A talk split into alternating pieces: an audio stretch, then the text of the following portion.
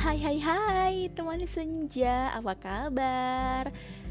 Kita jumpa lagi di Info Fact Ya, jadi di Info Fact kali ini kita akan membahas tentang fakta-fakta yang harus teman senja tahu Nah, kali ini kita akan berbicara tentang lagu berbahasa Jawa yang menjadi tren pada tahun 2019 sampai 2020.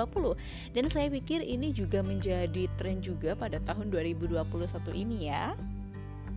Kali ini saya akan menyampaikan tulisan di jawapost.com via daring pada tahun 2020 pada bulan Januari yang lalu dengan judul Lagu-lagu berbahasa Jawa mendadak tren.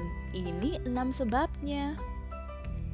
Oke, dari jawapost.com, tren lagu-lagu berbahasa Jawa sejak beberapa tahun belakangan sangat terasa di industri musik Indonesia.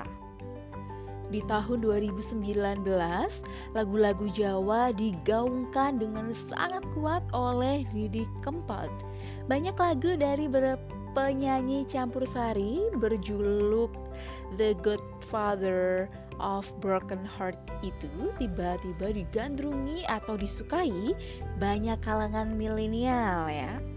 Uniknya lagu-lagu milik Didi Kempot yang ngehits itu di tahun 2019 seperti Tanjung Mas Ninggal Janji, Suket Teki, Sewu Kuto, dan Pamer Bojo adalah lagu-lagunya yang sudah rilis beberapa tahun lalu. Selain Didi, penyanyi muda Denny Caknan juga sempat mempopulerkan lagu-lagu berbahasa Jawa. Lagunya berjudul Kartonyono Medo Janji. Mungkin teman saja sudah pernah mendengar ini ya. Kartonyono Nengawi Medot Janjimu. Nah, seperti itu ya. Oke. Okay. Dan sampai sekarang sudah ditonton lebih dari 108 juta kali di YouTube. Kalau mungkin di tahun 2021 ini saya pikir sudah lebih dari itu ya.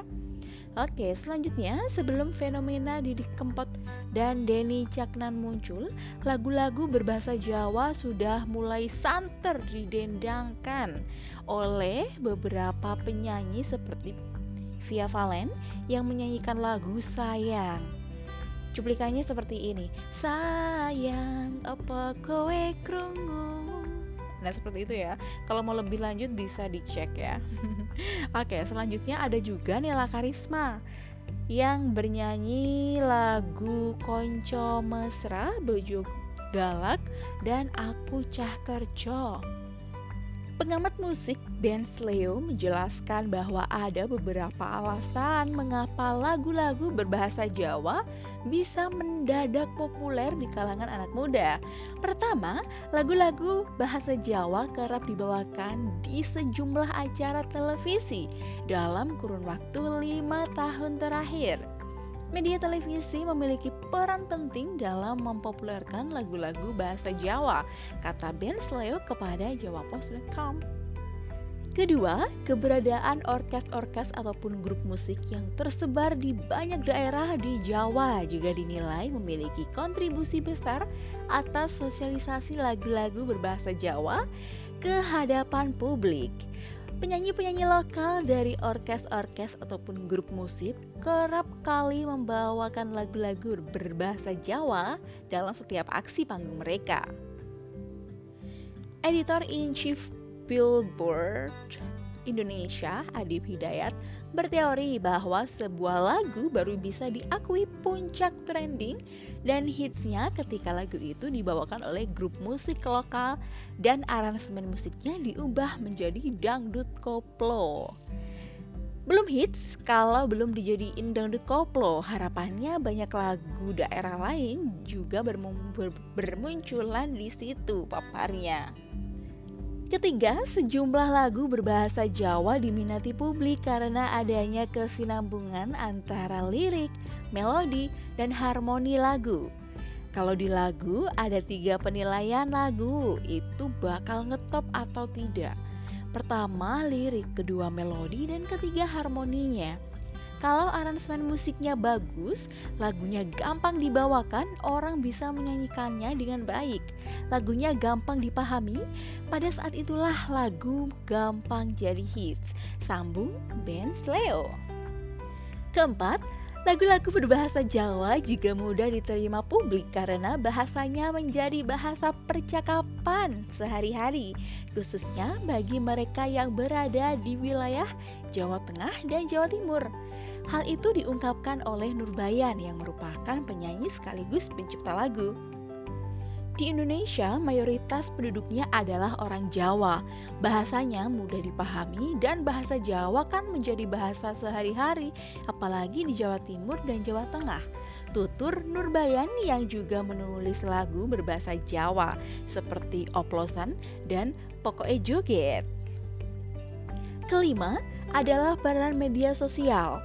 Dengan adanya media sosial, ruang kreativitas tidak lagi terikat oleh pakam-pakam tertentu di industri musik. Penyanyi ataupun seniman lokal pun yang dulu sempat kesulitan mencari wadah untuk berpromosi, kini bisa dengan mudah mempromosikan lagu atau karya mereka melalui media sosial. Sekarang seniman memiliki peluang yang sama untuk dikenal karyanya dan menjadi terkenal dengan adanya media sosial. Tinggal bisa menjaga mutu dan kualitas karyanya atau enggak, papar Nurbayan. Keenam, anak-anak muda milenial yang mencari sesuatu yang berbeda. Sesuatu yang unik itu dipelajari oleh anak-anak muda. Mereka mendapatkan panggung baru yang unik yaitu lagu bahasa Jawa dan itu banyak lagunya dari Didi Kempot. Saya rasa lagu-lagu Didi Kempot akan tetap diminati di tahun 2020 ini dan dan itu faktanya iya betul ya. Dan dia memiliki penggemar fanatik yang sama fanatiknya dengan penggemar K-pop tandas Ben Sleo.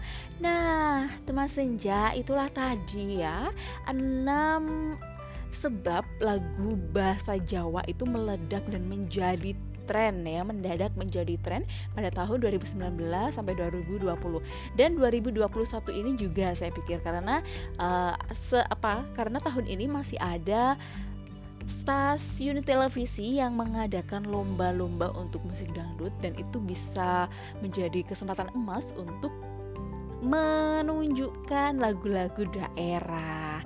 Bagaimana dengan teman senja? Apakah pernah mendengar lagu bahasa Jawa atau bahasa daerah di Indonesia lainnya? Lagu apa yang menurut Anda paling Anda suka?